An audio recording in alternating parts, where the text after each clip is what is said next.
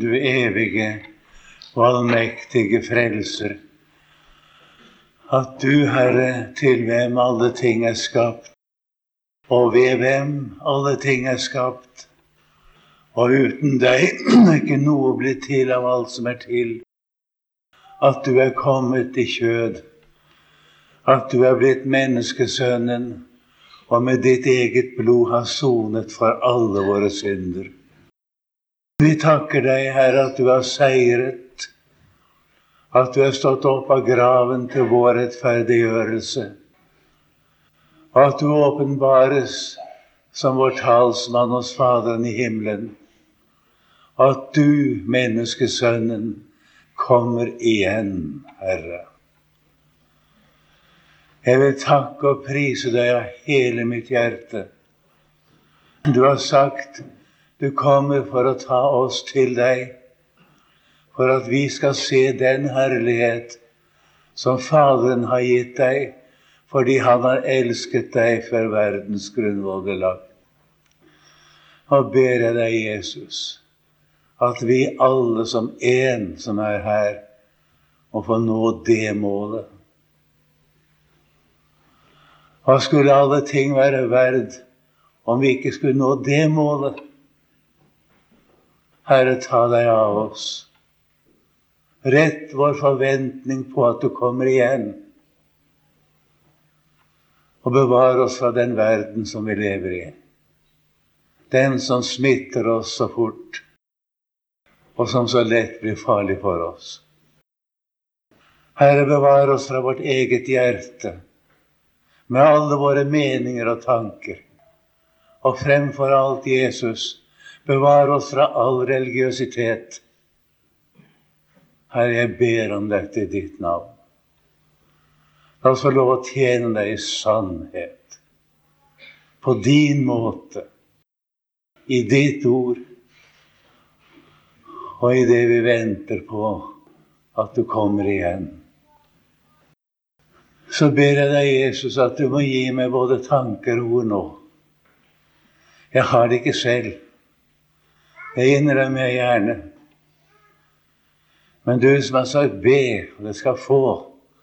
Jeg stoler på det løftet, Jesus, og ber om alt det jeg trenger i ditt. Amen. Det Guds ord som er satt opp som prekentekst på denne andre søndag i advent, står hos evangeliet. Og vi ber forsamlingen bli sittende mens vi leser. Det står hos evangelisten Lukas i det tolvte kapittel, vers 35 til før.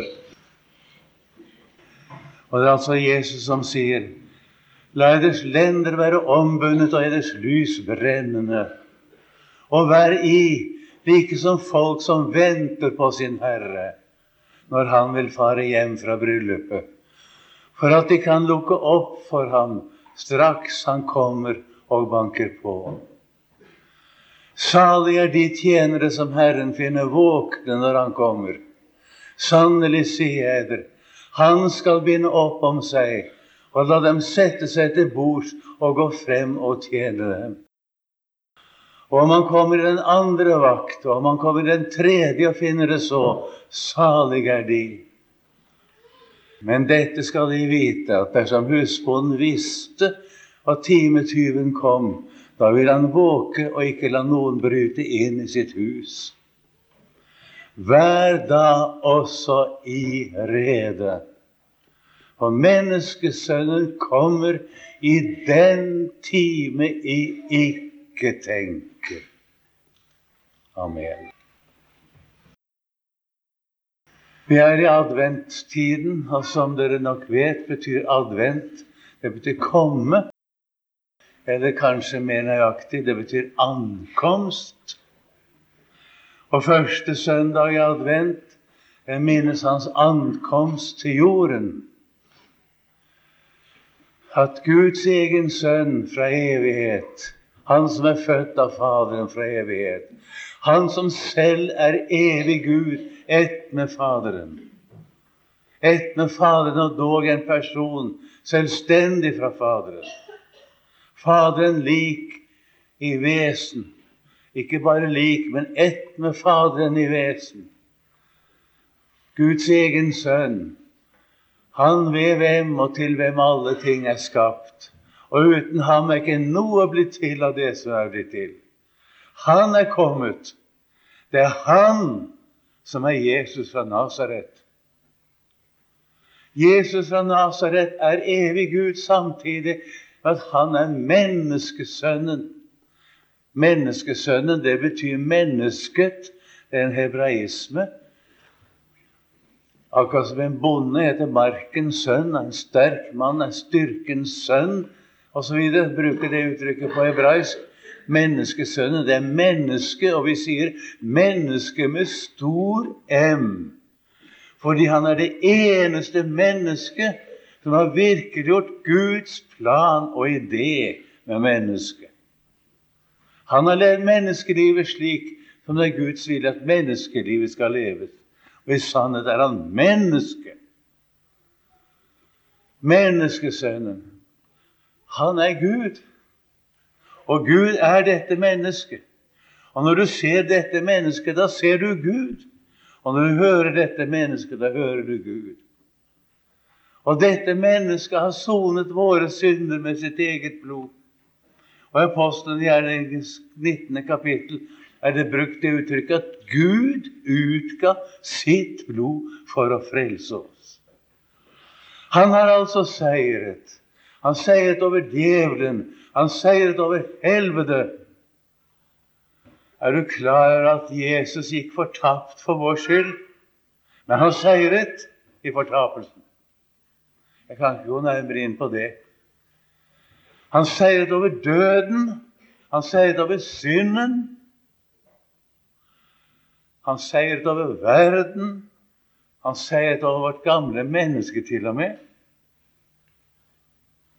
Han er seierherren. Han sto opp av graven til vår rettferdighet. Og vår rettferdighet for Gud er en person, sier Luther. Han er min rettferdighet, og jeg er rettferdiggjort i ham. Dette er fullført. Dette er ferdig. Han kom, han gjorde dette. Han kommer igjen som menneskesønnen. Han opphører ikke å være menneskesønnen noensinne. Som menneskesønnen seiret han. Som menneskesønnen for han opp til himmelen. Som menneskesønnen kommer han igjen. Og det gjør han i den time vi ikke tenker. Og budskapet til oss i dag er at han sier vi skal være rede.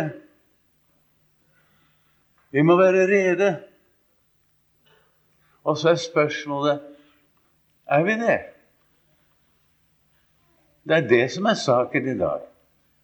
Er vi rede til å ta imot Jesus?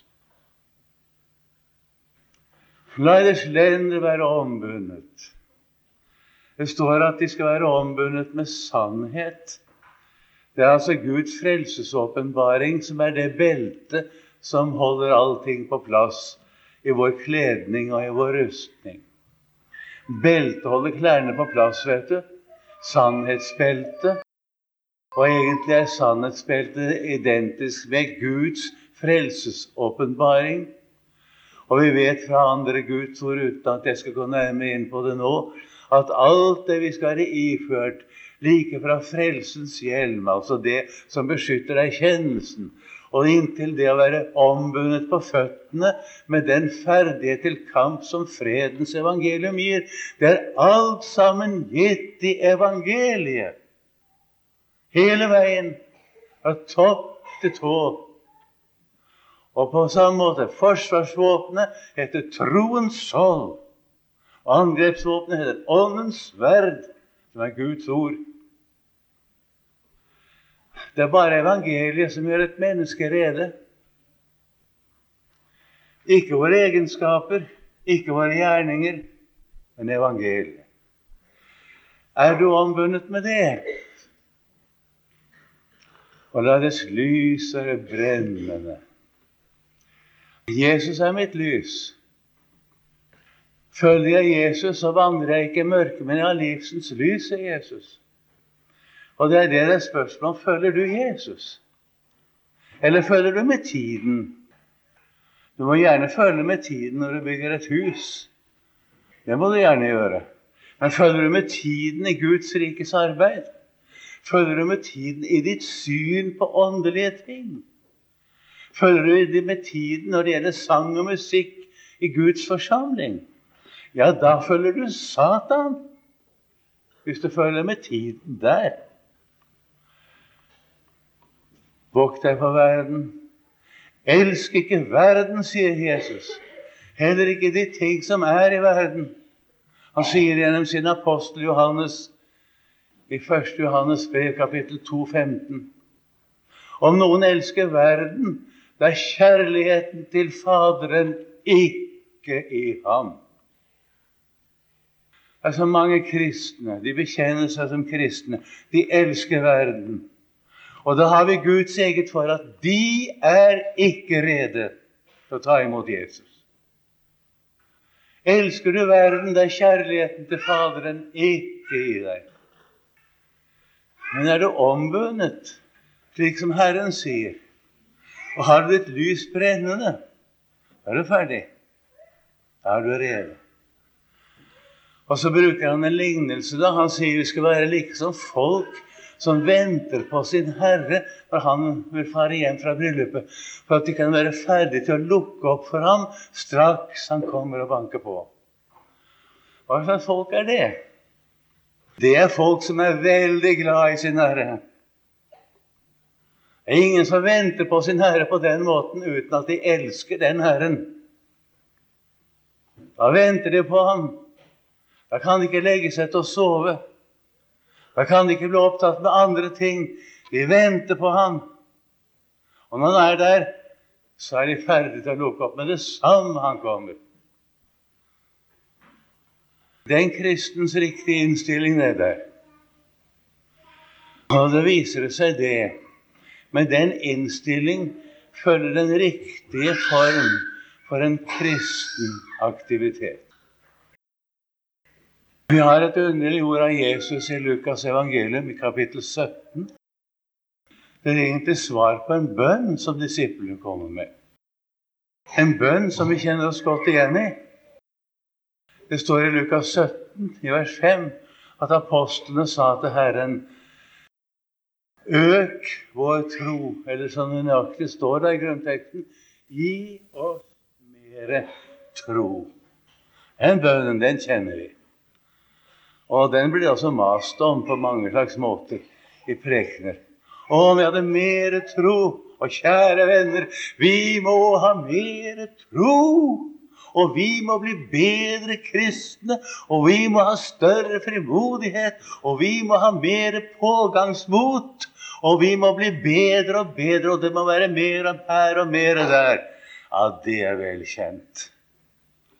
Men vi kan vel formulere alt dette med mer av ditt og mer av datt i dette. Vi må ha mer tro. Ja vel. Så svarer Jesus på det. Først sier han det er som jeg hadde tro som et sennepskorn. Det er lite, det sennepskornet. Du kan ikke se det. Det er så lite at du må helst ta forstørrelsesglass for å se det. Det er som en tro som et sennepskorn. Altså, det er som du har en tro som er så liten at du helt tatt ikke kan merke at du har den, så skal du kunne si til dette morbærtreet Rykk deg opp med rot og plant deg i havet, og det skulle lyde deg. Skjønner du hva han mener? Du ber meg om større tro. Men jeg skal si deg en ting, kjære venn. Det er ikke det det er spørsmål om, hvor stor din tro er. Men spørsmålet er regner du med meg er det meg du tror på? Hvis du tror på meg, sier Jesus, så blir det umulige mulig. Det er ikke det at Jesus vil at vi kan plante trær med rot i havet, men han ville ha sagt at der hvor vi er enige med Jesus, der skjer det som er umulig. Og til en viss grad har vi anskuelsesundervisning om det i vår egen misjonshistorie. Det er flere ganger skjedd umulige ting i vår misjonshistorie. Og når var det det skjedde? Det var da vi stod maktesløse og hjelpeløse og syntes vi slett ikke hadde noen tro i det hele tatt. Da skjedde det. Jeg husker vel den gangen våre misjonærer var jaget ut av Kina. Og da vi fikk misjonen i Etiopia, uten å gå nærmere inn på det nå Da visste vi ingenting. Vi kunne ingenting.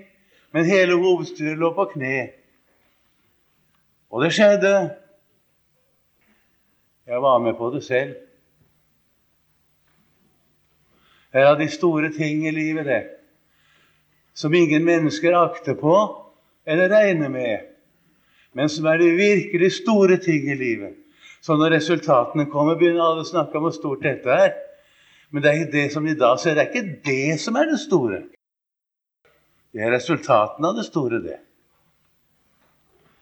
Så det var nå det første Jesus sa til sine apostler når de ba mer tro. Han var ikke interessert i å gi dem mer tro. Jesus er ikke interessert i å gi deg mer frimodighet. Han er selv din frimodighet. Han vil du skal regne med ham. Han vil ikke gi deg mer kraft. Han er din styrke, han. Han er ikke interessert i å gjøre oss sterke. Eller gi oss visdom og innsikt, at vi skal bli så vise og innsiktsfulle. Det er ikke Jesus det minst interessert i. Men Jesus er min visdom. Og det velsignede deg. Han tenker på meg, han. Og når jeg ingen tanker har, så putter han sine tanker inn i meg. Men hvis jeg har noe greier selv, så går det så galt. Vi snakker om Fjellhaug og Fjellhaugs fremtid i disse dager. Jeg har litt erfaring. I 51 av disse 90 år har jeg fått lov å være knyttet til misjonen. Det er iallfall den lengste tid av disse 90 årene. Og det er jo ikke alle her i denne forsamlingen som har vært med i 51 år. Men det er ikke det at erfaringen i og for seg betyr så mye. Og dog, vi lærer. Vi lærer dog. Og det er en ting jeg vil si til og om de som nå skal undervise på Fjellhaug. Det er godt og vel med studier, og jeg har studert mye uten at jeg snakker om det. Både språk og mange andre ting har jeg studert. Men det snakker jeg ikke om. Og Dere kan vel trenge litt studier, men det er noe dere trenger mye mer enn studier. Dere trenger åndelig erfaring og dere trenger å tro på Jesus. Nå snakker ikke om tro som kristne. Det er ikke noe vei med kristendommen deres. Men det er noe i veien med dere som lærere og forkynnere. Det er det. Og det er et minne som står for meg her. Da vi hadde vært i arbeid noen år Jeg husker ikke eksakt hvilket årstall det var. Men det var gått noen år etter denne, eller var iallfall god tid etter denne misjonssal var innvidd i 1935. Da kalte Hope Vågen av meg ned til seg. Og så sa han Det er noe jeg må si dere to. Jeg har tillit til dere som kristne, sa han. Og dere er flinke til å preke. Og det er ikke noe i veien med det dere sier, for dere er mye flinkere lærere enn jeg har vært. Men det er én ting å si dere. Dere mangler Guds ånd når dere står på talerstolen. Hvordan tror du det virket på oss? Jeg var knust, var jeg. Og det protesterte inni meg til å begynne med. Men jeg har takket Gud mange ganger fordi Hope sa det. Vi trenger forkynnere vi i misjonen i dag som har Guds ånd når de preker. Det er ikke noe med læren deres, Men kunnskapene. Det er i orden. Men det er ikke nok. Vi trenger forkynnere som har Guds ånd på talerstolen og på kateteret. I bibelskole og i misjonsskole. La dette ha La dets lys være brennende. Det var det ene svaret Jesus ga. Og så ga han et svar til da de ba om større tro. Hvem av dere er det som har en tjener som pløyer eller gjeter? Som vil si til ham når han kommer inn fra marken Kom straks hit og sett deg til bords. Vil han ikke heller si til ham Gjør i stand det jeg skal ha til aftensmat, og bind opp om deg og gå meg til hånde, så jeg får et og drukket. Så skal du få et og drikke. Takker han vel sin tjener fordi han gjorde det som var han pålagt? Jeg tror det ikke. Således skal også gi, når jeg har gjort alt det som er dere pålagt, si vi er unyttige tjenere. Vi har bare gjort det vi var skyldige å gjøre. Skjønner du hva Jesus har sagt? Dere ber meg om mer tro. Si meg, skal jeg utruste deg med tro og med nådegaver osv. for at du skal ta deg ut som kristen? For at du skal bli stor, du skal bli kjent, du skal bli lagt merke til som kristen. Er det derfor jeg skal ruste deg ut? Eller står du i min tjeneste? Jesus vil ete og drikke. Og La oss bruke dette billedlig, for det er ment billedlig, nemlig. Husker du hva Jesus sa da han hadde møtt den samaritanske kvinne? Disiplene hadde vært i byen og kjøpt mat, og de sa, 'Rabbi, et.' Da sa han, 'Jeg har mat å ete som dere ikke kjenner til'. Det kunne ikke disiplene skjønne.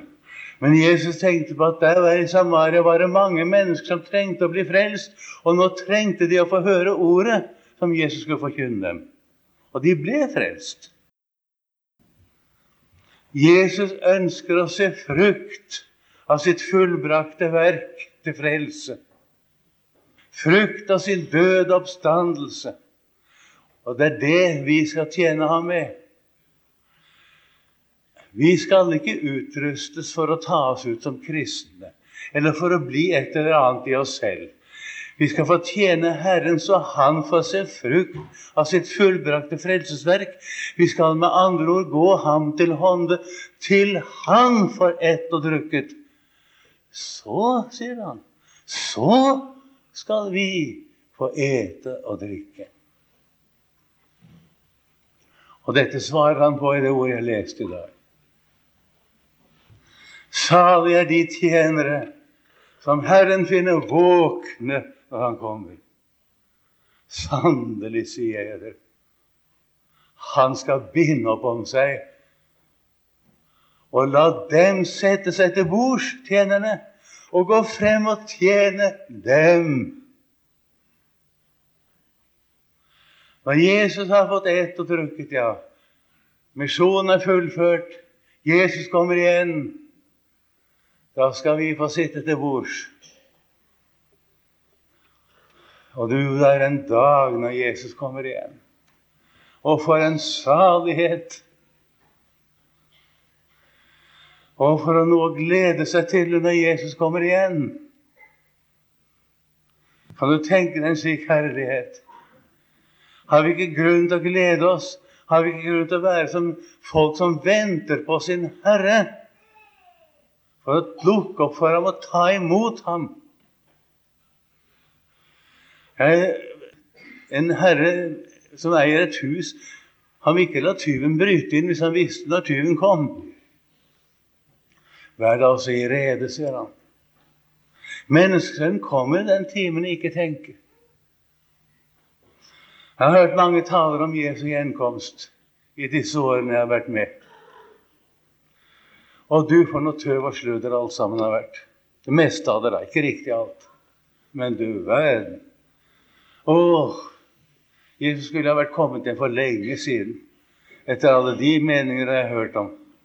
Og dette tusenårsriket har snakket om, vi skulle ha vært der for lenge siden, etter de teorier som har vært lansert. Men du skjønner, det er mennesketanker og mennesketale. Og det, det Jesus har sagt, det går nettopp ikke slik som vi tenker. Han har sine ord i behold. Han kommer i den tiden vi ikke tenker. Og det skal jeg være glad for. Men det er noe som står fast. Jeg går bort for å berede sted for dere, sier han. Og når jeg gått bort og har beredt sted for dere, så kommer jeg igjen for å ta dere til meg, for at dere skal være der hvor jeg er. Og det står fast at Jesus sier sin ypperste bønn til Faderen Faderen, jeg vil. Telo heter det på gresk. Og det er et ord som er sjeldent i Jesu munn. Det betyr nemlig Fader, jeg forlanger et krav. At der hvor jeg er, der skal også de som du har gitt meg, være hos meg, for at de skal se min herlighet. Og Det ser det samme som å oppleve min herlighet, som du har gitt meg fordi du har elsket meg før verdens grunnvoll ble lagt. Det blir nå å få dette, kjære venner når menneskesønnen kommer igjen. Det er salighetenes salighet for dem som er rede. Ja, det er det. Men det er ikke slik for alle mennesker.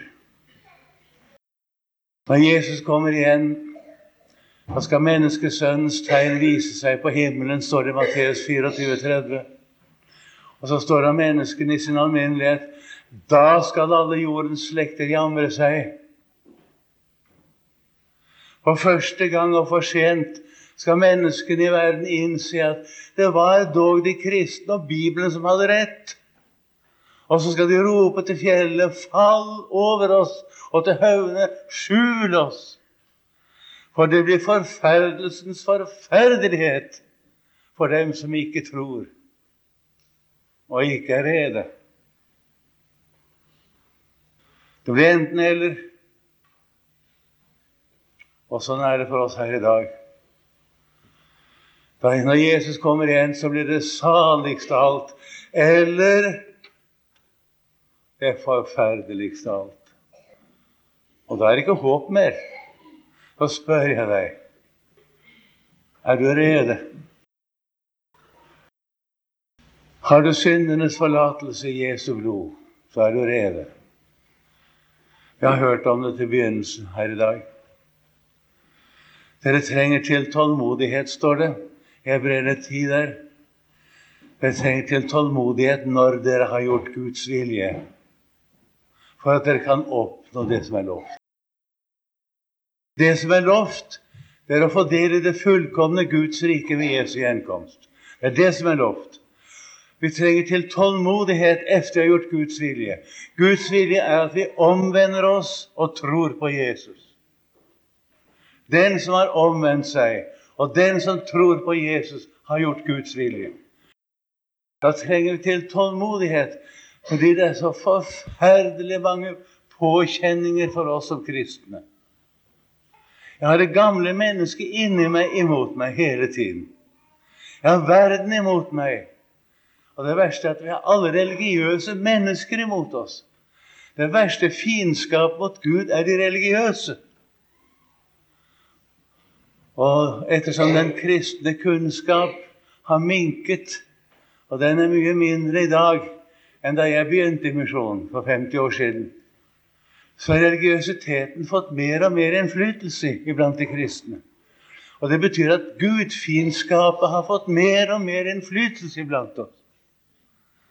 Jeg skjønner ikke at ikke alle kristne ser det og forstår det og tar seg i vare og kjemper imot det. Vi er nødt til det, skal vi være rede. Det går ikke an å si at ja, denne sier så, en annen mener så, og jeg kan ikke stole på, jeg kan ikke være enig i den oppfatning. Det er ingen som spør deg om din oppfatning eller noen annens. Det spørs hva står det skrevet. Hva har Jesus sagt? Det er ikke spørsmål om noen oppfatning. Og du vet hva Jesus har sagt. Du har ingen unnskyldning. Du kan bortforklare så mye du vil. Og du får mange med deg, og de er så enige med deg. Men du går fortapt når du ikke hører på Jesus. Jeg vil si til dere han stadig kommer motforestillinger når vi forkynner hva Jesus har sagt. Dere er på fortapelsens vei. Når vil dere stoppe? Når vil dere vende om? Skal du vente til det er for sent? Og menneskesønnen kommer i den time jeg ikke tenker. Jeg skal si dere en ting, ikke minst flere av dere unge, som har sånne meninger som går stikk imot. Så er det det jeg forkynner, da. Dere er flinke til å gå imot det. Jeg vet nok om det, skjønner dere, selv om dere ikke sier det direkte til meg. Så vet jeg om det. Jeg sier en ting. Jeg er veldig glad i dere. Og jeg har omsorg for dere. Og jeg vil at dere skal bli frelst. Og det er derfor jeg taler som jeg gjør. Jeg kan ikke annet. Og jeg vet at det er Herren selv som har pålagt meg å si det jeg sier. Og det er ikke godt og det er ikke hyggelig for meg når stundom enda kristne ledere går imot og vil holde med dem som er påvirket av verden og den naturlige menneskereligiøsitet. Kjære venner, hvor vil du være når Jesus kommer? Vær da også i rede for menneskesønnen kommer i den timen ikke tenker. Kjære Jesus, la oss få lov å tjene deg i sannhet. Ut fra dette at vi kjenner deg, Herre. La oss få tjene deg med alt det vi er og har, og ikke minst med våre penger. Jesus, det er du som er verd alle ting. Å, hva det er, Herre, å få lov å eie deg. For en salighet, for en velsignelse og for en glede. Så takker vi deg for budskapet. Jeg takker deg for det er ikke mine ord jeg har forkynt, men jeg har fått det fra deg. Og jeg takker for det, for jeg trengte det så sårt selv. Takk, Jesus. Amen.